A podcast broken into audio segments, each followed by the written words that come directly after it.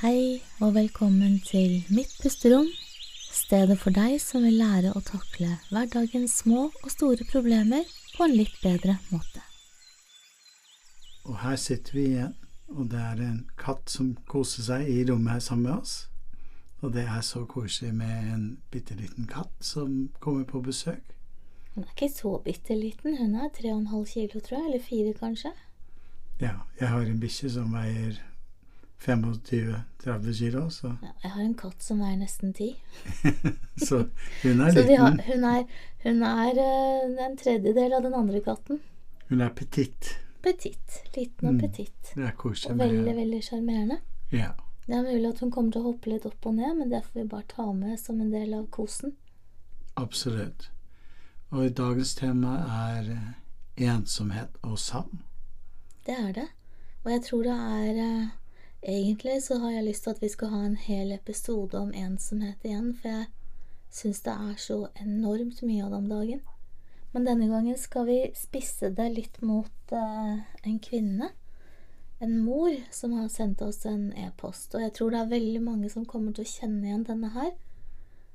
Om du er nyskilt eller har vært skilt en stund. Men det er jo ingen som gifter seg eller får barn sammen hvis de tror at de skal gå fra hverandre. Men allikevel så skjer det omtrent halvparten. Det er mange som ender opp fra hverandre, ja. Det gjør det. Her har vi en e-post fra en som sier Hei, dere. Jeg ble skilt for to år siden. En ganske udramatisk skilsmisse, men jeg ante ikke hvor tøft det skulle bli å være alene etterpå. Jeg har to barn, og vi deler omsorgen 50-50. Hver gang barnet er borte, så føler jeg meg så tom. Jeg blir så overveldet av sorg og savner dem så uendelig mye at jeg lurer på om det noen gang var rett å gå. Jeg forsøker å møte venner, men jeg har ikke noe overskudd. Dagene går med til jobb, jeg tar på meg overtid fordi jeg ikke orker å dra hjem til et tomt hus, og nå har jeg også begynt å drikke vin alene midt i uken. Dette går ikke lenger. Hva kan jeg gjøre for å takle denne følelsen av ensomhet og tomhet, og hvordan kan jeg gjøre tiden mer meningsfull for meg selv? Det høres veldig vondt ut. Jeg får lyst til å klemme dama med en gang, jeg. Ja, det er en veldig vond følelse å, å kjenne igjen den ensomheten og den følelsen av tap. Så det ligger mye sorg i hennes uttalelse. Men heldigvis, den sorgen er jo ikke en uerstattelig sorg. Barna kommer tilbake igjen om en uke. Og og det virker som hun da prøver å jobbe seg litt vekk fra alle de vonde følelsene. Hvis vi tenker høyt hva skjer med et menneske når de ikke omfavner de vonde følelsene, da skjer en slags dissosiasjon. Fordi all, all trauma det er, det er traumatisk for denne damen. Barna er ikke der. Hun ønsker at de var der. Hun føler en tap og en sorg og en fryktelig ensomhet. Og så prøver hun å stikke vekk fra de vonde følelsene. Og da skjer en slags splittelse i, i hennes eh, personlighet. Eh, og, og, og kanskje det forsterker opp andre ting som er litt vondt inni henne. Så jeg mener at i det tilfellet her så er det veldig lurt at hun begynner å prate med noen. Og ikke prate med noen for å synes synd på seg selv, men bare for å få satt litt ord på hva hun føler, og hvordan det er, og oppleve å bli møtt med forståelse og, og kanskje en normalisering av situasjonen. Det er vel egentlig det jeg har lyst til å si til henne aller først, at det er en helt normal reaksjon. Og jeg kjenner egentlig ingen som ikke trenger å gå til terapi når en skilsmisse er et faktum. Det er steintøft for eh, alle parter, og det er veldig normalt også at barna blir utagerende på forskjellige måter. Det er vanskelig å forstå dem. Du skal ta vare på både din egen sorg og skuffelse, kanskje. Eh, av og til sinne. Av og til økonomiske problemer og praktiske ting, logistikk. Og så skal du ta vare på barna dine. Eh, og prøve å ha et normalt liv og beholde jobben din. Altså, det er veldig mye på en gang. Så jeg ville påstå at alle som er i en skilsmisse eller har skilt seg, bør faktisk oppsøke litt terapi, og i hvert fall gå i terapi og gi det god tid før du går videre til en annen. Det virker som denne kvinnen her ikke har uh, fått noen ny kjæreste. Um, og det syns jeg også er litt fornuftig at man venter litt med, for hun høres ut som hun er såpass i ubalanse at hun ikke er klar for et nytt forhold. For det er også en måte som vi av og til stikker av smerten på. Hun har begynt å drikke, andre kaster seg i armene på noen andre med en gang. Og da glemmer man faktisk de to små barna som kanskje egentlig er det viktigste. Man stikker av. Så jeg har veldig sans for det du sier at vi kan ikke stikke av fra de vonde følelsene. Vi må faktisk stå i dem og kjenne dem, men det kan være litt tøft å gjøre når du er hjemme alene, og det er mørkt, og det er høst, og det er kaldt, og du vet at det er seks dager til du skal se ungen igjen.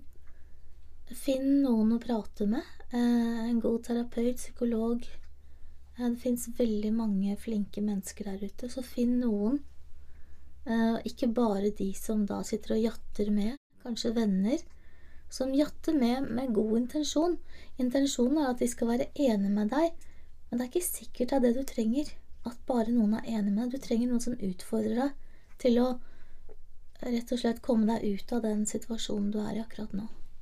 Hvis noen hører noe smattelyd, det er den katten som har bestemt seg for å vaske seg. Men det var en katt nummer to på ti kilo, så nå har vi to katter her inne.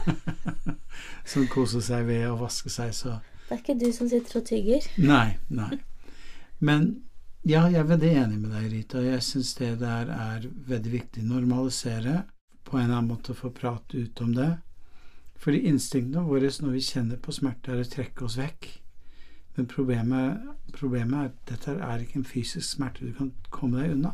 Dette er noe du kommer til å oppleve igjen og igjen.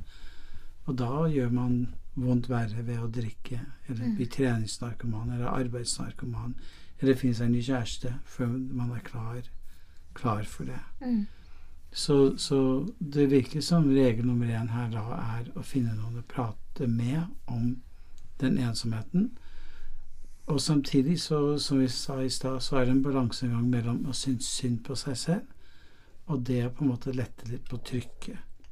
Det er ikke meningen man skal få andre til å synes synd på deg, men det er mer å, å få ut de følelsene og på en måte få litt trøst, eh, og så på en eller annen måte klare å, å nullstille seg etter hvert. Og så er det veldig vanlig, som sagt, da, å, å skjelle seg. Så jeg er sikker på at eh, det kan finnes andre mennesker rundt deg som kanskje klarer deg helt fint. Så prat litt med dem. Hva var deres prosess? Hvordan fikk de det til? Vi mennesker er noen gang sånn skrudd sammen at vi lærer av andre, altså rollemodellering. Tenk deg I gamle dager så satt vi rundt bålet og fortalte historier på hvordan vi klarte å ta det villsvinet, hva vi gjorde, hva vi fikk til, og hvordan vi planla det. Det er måten som vi lærer på, er historiefortelling. Og da må du kanskje være litt åpen med noen som har klart det, og si hva var det du var, hva var trikset ditt, hvordan fikk du det til? De aller, aller fleste vil jo synes at det er veldig hyggelig å kunne, kunne bidra litt og kunne hjelpe litt, og ikke spise hver middag hjemme alene. Jeg bor jo alene selv, og det å spise middag alene hver eneste dag, det er litt tungt, altså. Så jeg har bestemt meg for å være sosial én gang i uken, jeg ja, nå. Jeg syns det, det holder. Det er bra. Jeg har fått det til, da. Mm. Men jeg kan ikke gjøre mer. Nei, nei. Én gang holder. Tilbake til det å kjenne etter hva som er riktig for deg. Kanskje du har noen venner der ute som du ikke har hatt kontakt med på ganske lenge, men som du vet at hjertet ditt eh, lengter litt etter. Det kan være venner som du hadde kontakt med, men som du mistet fordi at de kanskje ikke likte den mannen du var gift med, eller andre ting, at det var de bodde for langt vekke, du ikke hadde tid. Nå har du faktisk tid, annenhver uke, til å gjøre det du ikke hadde tid til før. Og det er Jeg vil ikke si er, Du må bare lage fordeler ved å ikke ha barna. Og da må du bruke den executive functioning, som det heter. Altså du må opp i hodet og så må du sette deg ned, gjerne med penn og papir, og se hva kan jeg gjøre nå som jeg ikke kan gjøre når barna er her. Fordi det som skjer, er at du blir så emosjonelt kapret at du ikke klarer å tenke klart. Veldig enig. Mm. Og det er eh, når man blir fanget av emosjonene sine, da, da blir man på en måte bare i en sånn veldig reaktiv modus istedenfor å være proaktiv. Emosjonell kapring er det som skjer i hjernen når vi blir overveldet av følelser, hvor plutselig fornuften blir på en måte en står til tjeneste for følelsene. Og når vi er i, i en sånn reaktiv modus, da klarer ikke vi å skape den fremtiden, det livet vi egentlig ønsker å ha. Mm. Så denne damen er veldig fanget i følelsene sine. Og på en måte, det er jo et bra tegn. fordi hvis man tar sin morsrollen eller farsrollen på alvor, så skal man virkelig ha lyst til å gi alt man kan for barna. Og når jeg mener gi alt du kan, det betyr ikke at du blir en tjenestepike eller tjenestemann for dem, men at du er klar over grensene, du er klar over uh, hvordan du skal uh, gi dem mat, uh, klær, omsorg aldersadekvat omsorg. Alt det der krever mye tenking og planlegging. Eh, det er en sånn logistikk som skal gå opp, det er en sånn kabas som skal legges i forhold til det sosiale. Hva slags styrker har mitt barn, hva har de talent for, hva har de ikke har talent for? Eh, de gode samtalene som vi har snakket om før, i tenårene starter når barnet er to-tre år gammelt. Og alle disse tingene her er tegn på når hun er ensom og lei seg, at hun tar den rollen på alvor. Kanskje hun kan også finne en liten trøst ved å ta barnets perspektiv. Og det jeg mener med det, er at hun beskriver at en ok mann, en ok far Og hvis barnet har det bra hos faren sin, så er det mye trøst å hente der ved å tenke ja, men min lille Cecilia, hun har det godt hos pappa. Ting fungerer bra, han har en omsorg og snill mann. Det er mellom meg og far hvor ting ikke fungerte, ikke mellom far og barna. Får vi håpe at det er slik som er tilfellet. Og da snakker vi om det som jeg bruker å gå for rene forhold. At hun må kunne eksempel, eller alle mennesker, det blir så mye lettere hvis du kan tenke at jeg har et forhold til deg, men hvis du har et forhold til noen som jeg overhodet ikke liker, så vil ikke det allikevel influere mitt forhold til deg. Så jeg kan la være å like din beste venn, men jeg kan like deg, ikke sant? Det er det med rene forhold også. Det å kunne skille at selv om hun kanskje ikke snakker med far, så kan hun ha et godt forhold til barnet sitt selv om barnet elsker pappaen. Så, sånn er det viktig å huske på, altså, så vi ikke gjør det mer komplisert enn det behøver å være. Men det er en ting jeg sitter og tenker på når du snakker om dette, at hun, barnet eller barna kanskje har det fint hos far. Det satser vi på. To ting. Det ene er at eh, når hun da tydeligvis er en god mor, for hun savner dem, men vil gjerne være til stede for dem hele tiden, så har hun vel nå da en sjelden mulighet til å kunne planlegge og tenke, og kanskje bestemme seg for å bli den aller beste mammaen når barna kommer tilbake.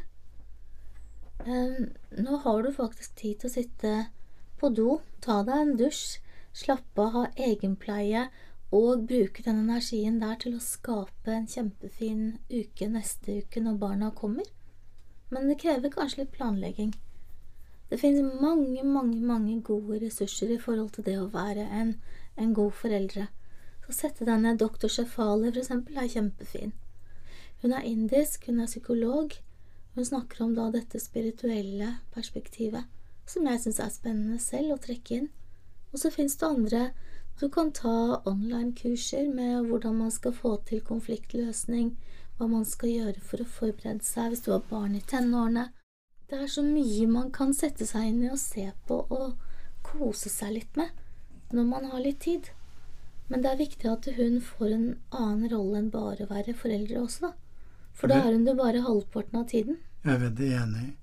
En annen ting som jeg har lyst til å påpeke, som er kanskje en, en liten sånn obs-obs eh, med det du foreslår, er å planlegge å være den beste mor eller far når barna kommer tilbake igjen. Og det er viktig å skille mellom hva du forventer av barnets glede eller opplevelse eller takknemlighet, og det å, å, legge til rette for en aktivitet. Så husk på at barn er jo mennesker, de òg. De kan ha en dårlig dag, de kan ha en god dag. Så ikke la deg selv bli fanget i en sånn forventningspress at barna må være sånn og sånn, mm. ellers har jeg vært mislykket. Nei, legg opp til at dere skal gjøre en sykkeltur, eller dere skal gjøre et eller annet som du tror er morsomt for deg og for barna. Eh, og hvis barna den dagen ikke trives med det, ikke liker det, ikke ta det så personlig. Bare mm. tenk ok. Eh, samtidig så bør man være til stede for sine barn, fordi hvis det er en aktivitet de vanligvis liker, og nå plutselig liker de det ikke, så kan det være et faretegn på at det er noe annet som mm. stikker, mm. som er galt. Men, men, hvis det er en ny aktivitet, ikke gå rundt og bare tro dette skal barnet synes er kjempegøy, og jeg er mislykket hvis barna ikke likte det. Mm. Jeg har jo veldig mange kreative folk som kommer til meg. Jeg husker en kvinne som var i samme situasjon som denne. Hun eh, sa det Jeg foreslo at hun og ungene skulle sette seg ned. De hadde en sånn stor fiskebolle med en liten fisk oppi. Og så døde fisken, da. Eller var vel flere fisker, og de hadde alltid bare én fisk, og den døde hver gang.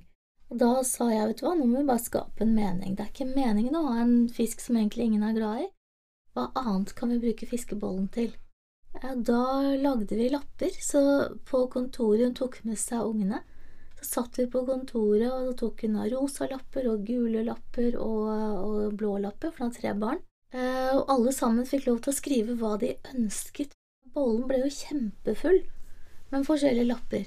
Så når da barna kom hjem til henne, så fikk alle sammen trekke en liten lapp, og så var det da forslaget. Da var det kanskje forslag om at mamma skulle lage kake på onsdag, og spise kake til middag.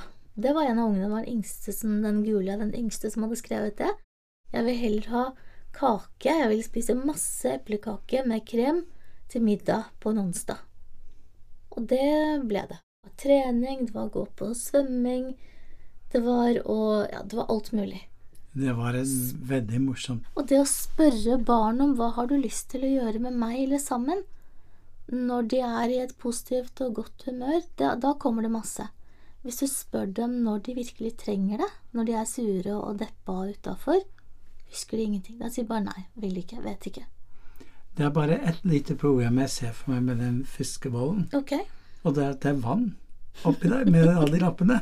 Du må prøve å ta ut vannet før du legger oppi der. Jeg ser det. Du må jobbe med den visualiseringsteknikken din. Jeg tok det bokstavelig, jeg. Jeg skjønner det. Så, så, det er hvert fall Det er ett forslag da som jeg i hvert fall syns er Se til mulighetene, se etter ting som du kan ha lyst til å gjøre med barna. Det er et forslag fra min side. Men nå fikk jeg munndiaré igjen her. Så bra. bra. Bare kjør på. Noe som er fryktelig viktig. Jeg har aldri hatt delt omsorg selv. Jeg har vært alene med sønnen min siden han var to år, så jeg vet ikke helt hva det er å bytte. Men det vet du. Så ja, det... jeg har jo vært i den situasjonen den damen er i. Ja. Og det er to typer sorg man opplever som foreldre. Det er den ene sorgen hvor du ikke ser barna hele tiden. Men så har du den andre sorgen, og det er når de kommer opp i tenårene, og plutselig så er ikke de den små, lille gutten eller jenten lenger. De er plutselig blitt ungdom eller ung voksen. Og da må man gå gjennom en liten periode hvor man eh, gir fra seg eh, autonomien. Mm. Ikke sant? At det barnet har blitt en ung voksen person og, og trenger å være selvstendig. De trenger å gjøre sine egne feil. Det er ikke det at du ikke irettesetter dem eller rettleder dem, men, men de vil gjerne leve sitt liv på sine egne premisser. Eh, og det, du har jo lov å ha fellesregler i huset, så det er ikke jeg mener skal ikke være en total kaos. Men i hvert fall når jeg var i den situasjonen med de ukene hvor jeg ikke hadde barna, så, så ble jeg veldig busy med å trene litt, uh, jogge, holde meg i form. Og så har jeg en jobb som krever at jeg er veldig til stede. Så jeg fikk ikke så mye tid til å kjenne på den sorgen. Og for meg var ikke det så stor, så big deal, fordi selv om jeg er uenig med mor, og du vet at jeg er veldig uenig med, med mor, så syns jeg at hun er en god mor for barna. Det er mye kjærlighet og omsorg der. Så når jeg selv følte at ting ble litt ensomt, eller det, det ble litt langt mellom hver gang, så begynte jeg å tenke på at ja, men de hadde det bra. Mm. Og noen ganger kan jeg være litt misunnelig, fordi hun er jo flink til å lage mat til meg, og hun er flinkere til å holde ting på stell, så jeg vet at noen ting har de det bedre hos henne. Mm. Mens jeg vil tørre å påstå at det er andre ting de har det bedre hos meg. Sånn har du alltid. Men du sier noe som egentlig tar meg over til litt sånn nevrofysiologi her.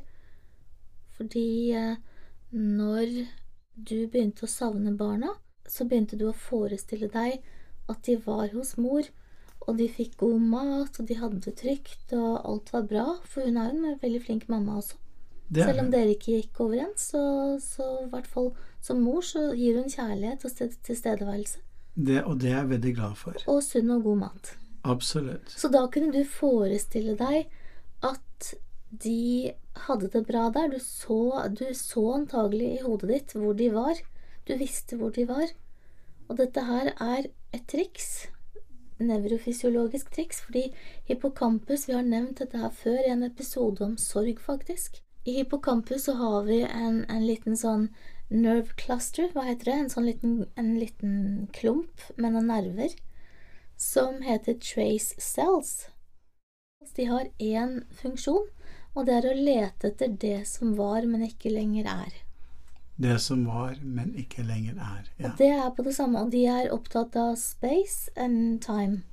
Og da kan du tenke deg, når du bare gjør det veldig enkelt, når du står opp, la oss si om natten, og så skal du ikke slå på lyset, du vet antagelig hvor mange trinn det er ut til doen. Du vet liksom hvor døren er, du vet omtrent hvor toalettet er. Du har allerede en representasjon i hodet ditt hvor det er. Når du setter deg i bilen om morgenen og skal kjøre til jobben, så har du en representasjon i hodet ditt at der står bilen. Hvis den ikke står der, så vil disse trace-cellene de vil da begynne å aktiveres. Så hver gang vi ikke finner det vi tror vi skal finne, så aktiveres de. Og det er ganske interessant, da. Så denne kvinnen som da eh, Hun har skrevet litt mer enn akkurat det det sto her, men hun sa hun forventet hele tiden at hun skulle finne skoene deres hjemme. Hun forventet at det skulle være rot i gangen.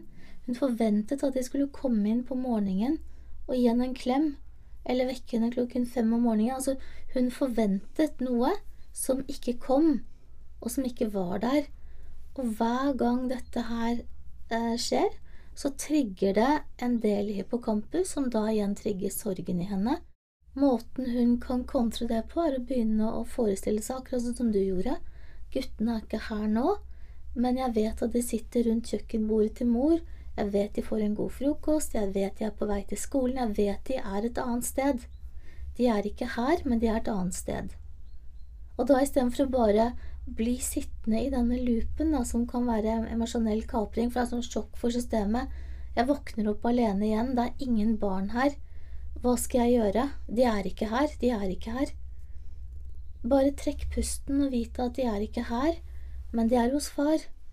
Der er de nå, nå er de i barnehagen, nå er de på skolen, nå er de antagelig på trening, nå spiser de middag. Forestill deg hva de gjør et annet sted.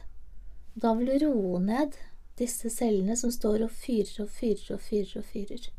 Og så er det veldig viktig når du ser for deg hvor barna er hen, å se for deg at det går bra med dem, at de har det bra. Fordi jeg kjenner noen folk som tenker katastrofetanker hele tiden, og da får de det, det verre. Men da er det veldig viktig å forholde seg til fakta og sannsynligheten. Sannsynlighet. da er det veldig viktig å forholde seg til fakta og sannsynligheter. Og vi vet at i Norge er et trygt land, så det går mest sannsynlig bra med barna, uansett hvor de er hen. Og fakta er at hvis mor eller far er en god person, så går det bra. Eh, Vi har ikke tid og anledning til å gå inn på hvordan du skal deale med en foreldre som ikke er en, en god foreldre. Det kan vi kanskje gjøre i en annen podkast. Nå skal vi ha fokus kun på en, en, en, en bra foreldre, men, eh, men hvor samlivet ikke fungerte bra med den personen. Mm. Og så vil jeg jo anbefale henne veldig sterkt også, og kanskje en ting jeg sier til nesten alle Prøv å skrive ned litt mer. Skriv ned tankene dine. Anerkjenn den sorgen, og skriv litt og tenk litt. Hvis du er litt i forkant, så slipper du å drive med brannslukking hele tiden. Og det handler om å ha noen gode rutiner. Noen uh, Fylle opp dagene. Nå begynner det å bli høst og kaldt og litt mørkt på kveldene. Kanskje gjøre litt sånn som meg, bare fylle opp eh, dagene med litt sosiale ting som du ser frem til. Eh, ikke bare sitt på jobben og, og jobbe overtid. Hva med å snakke med noen venner, sånn at du kanskje trener to-tre ganger i uken? Trening er jo fantastisk i forhold til den mentale helsen. Det er nesten den beste, den beste medisinen vi kan ta, er å løpe av seg problemene, få opp blodpumpa, kjenne at du lever litt. Sett pris på de tingene som du har. Så gjør noe aktivt, kanskje noen kvelder i uken. Sørg for at du er litt sosial, at du går ut og spiser. Sjekk i Aktiv i Oslo. Eh, se hva er det som er av museer, kinoprogrammer, teater, konserter. Legg noen sånne planer fremover utover høsten og vinteren, så du holder deg selv litt opptatt. Hvis du da i tillegg gjør det som vi snakket om i forrige episode, at vi er til stede, vi er smilende, vi er lyttende, vi er opptatt av andre mennesker, så vil du ikke ha så mye plass til å sitte og savne, at du vil være mer sliten når du legger deg.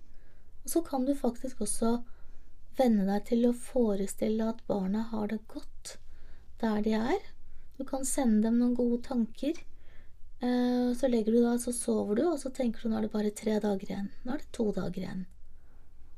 En ting jeg tenker, jeg liker veldig godt ditt forslag med å skrive. Jeg tenkte akkurat i de samme banene som deg før du begynte å, å, si det. Og er ikke det slik at når vi får tid, det er da vi kommer på hva vi skulle ha sagt, hva vi skulle ha gjort? Og kanskje det er noe man kan skrive ned. Og jeg skulle ha sagt det til lille Cecilie når vi begynte å snakke om et eller annet tema som kom opp på barne-TV, men du på en måte var ikke klok nok til å ta det der og da. Skriv det ned, og skriv det ned med tanke på at kanskje dette kan være noe barna dine kan lese senere. En slags annenhver ukes dagbok om viktige tanker, beskjeder, holdninger, troer du ønsker dine barn skulle ha hørt fra deg, men som du ikke fikk sagt det der og da i hetens monoman. Så ha en sånn liten refleksjonsbok om din egen atferd som foreldre, hvordan du selv kan utvikle deg og bli bedre. For det kan vi jo absolutt alle, uten at det skal være et mål om at vi være Jeg sier verdens beste, men jeg syns det skal være et mål vi har, da. En retning som vi kan bevege oss Men jeg tror ingen noen gang kommer til å bli det, for det, vi er mennesker. Vi kan ikke. Vi gjør feil hele tiden. Ja, og da tar du meg litt i forkjøpet, for jeg tenkte å følge det opp med, med ideen om dårlig samvittighet. Fordi jeg tror alle foreldre føler de har sviktet barnet på en eller annen måte. Og da er det veldig viktig å skrive ned hva du har lært av situasjonen, eh, gi deg selv litt tilgivelse, være litt raus mot deg selv, og bestem deg for å se og prøve å gjøre det bedre neste gang du er i en lignende situasjon med barna. Så bruk den tiden aktivt til å bli en bedre mor eller far. I det tilfellet her er det mor. Bruk den tiden til å fylle livet ditt med mange andre meningsfulle ting, som å treffe venner og osv. Men bruk disse trace neurons til å hjelpe deg vite at barna har det godt. Mm. Det er viktig. Jeg tror også at uh, det er et poeng til som er vesentlig å få igjennom i forhold til det å skrive. Fordi når hun setter seg ned på kvelden og har lyst til å ta et glass vin, eller kanskje opptil flere glass før hun skal sove, så gjør hun det for at hun skal stikke vekk fra en følelse. Og den vil antagelig bli litt, litt bedre. Hun blir litt mer nummen når hun drikker, sannsynligvis. Ellers hadde hun ikke fortsatt med det. Men det som er mye bedre, før du spretter den vinen, så ha en egen dagbok som du skriver i, og så skriver du ned alle de negative, vonde tankene du måtte ha. Og i det øyeblikket denne øvelsen har vi faktisk gjennomgått i den, en av de forrige episodene. Jeg tror det er episode 59. Ok. Der vi gjennomgår på slutten av den, så gjennomgår vi en øvelse du kan skrive ned. Du kan vise hvilken følelse du får, hva det gjør med energien din, og hva som er den utfallet av den. Det er en veldig enkel øvelse, men den er veldig effektiv. Og det den gjør, er at når du skriver ned, gjerne med penn og papir, så går det saktere å skrive, du får mer kontakt med følelsene dine, og da er du den som ser på det som står på arket. Og da har du nok avstand til deg selv til at du ikke lenger er emosjonelt kapret. Det er måten du aktiverer den delen av hjernen din som gjør at du kan tenke litt klarere, få litt mer oversikt, og rett og slett ta bedre valg. Og da så jeg anbefaler deg før du kan godt sette vinen der, og så kan du ha penn, pen og papir ved siden av, skriv. Så ser du deg selv på avstand og se om du har egentlig like lyst på den vinen etterpå. Trenger du egentlig den vinen da, eller kan du spare den til du kanskje skal møte noen eh, venner og ha det gøy? For det at når du begynner å drikke alene, da går det en liten alarm inn i mitt hode. Det er ikke bra. Veldig enig. Men det som er fantastisk fint, er at hun faktisk sier fra at hun gjør det. Hun mm. tør å innrømme det. Det er da du Da er du litt ute av faresonen igjen. Når du ikke vil si det, når du skjuler det, når du sitter omtrent i skapet og drikker, det er mye, mye farligere. Helt enig. Så begynner vi å liksom trekke det litt sammen nå, Sigurd? Ja, jeg tror vi begynner å komme mot slutten av denne podkasten. Så veldig, veldig kort oppsummert, det er bare vær der du er, vær fornøyd med det du har. Hold det positive fokuset. Bruk den tiden til å som du er alene, til å bli den beste utgaven som du ønsker å være. Planlegg ting, men husk på at du er mer enn bare en mamma. Du er også en, sikkert en ung kvinne med drømmer og behov og ønsker Ehm, du har muligheten nå til å gjøre noen ting med de ønskene dine. Drømmene dine, de trenger også litt næring. Så hva er det du egentlig drømmer om, annet enn å bare være mamma? Har du lyst til eh, å utdanne deg videre? Har du lyst til å begynne med en hobby? Kanskje du har lyst på en kjæreste etter hvert? Utvide vennenettverket? Kanskje har du tid til å reise bort litt? Rane? Det fins så mange ting du kan gjøre, annet enn bare å jobbe og være mamma. Helt enig. Så spørsmålet er hvem har du lyst til å være? Og jeg ville anbefale deg igjen, siden du høres ut som en god mamma, prøv å være den personen som du ønsker at ungene dine skal bli. For ungene våre, de blir sånn som vi er, ikke sånn som vi sier at de skal være. Herlig. Og du vet at en dag så kommer barna dine til å stå i en sånn situasjon som du kanskje er nå, et samlivsbrudd eller noe annet. Når livet er tøft og det trykker på, hvordan ønsker du at de skal takle det? Veldig viktig. Kanskje det trigger mammahjertet ditt til å sette vekk vinflasken og ta tak i noen av de tingene vi har snakket om. Jeg håper det. Og sørg for at du får en god klem av noen du er glad i. Og hvis vi kunne, så hadde Rita og jeg gitt deg en stor klem. Bamseklem, en dobbel en. Til alle de der ute også som sliter med noe. Her er det mye omsorg å få. Og med det så sier vi tusen takk og sender en eh, Hva blir det for noe? En virtuell? Digital? Det er ikke digital. Vi får sende en luftklem til alle sammen. Hold om deg selv, og skvis litt til. Skvis litt til, eller ta en pute og, og gi deg en god klem. Litt på armen. Stryke litt på armen, sånn som Rita og jeg ja, gjør nå. det går bra.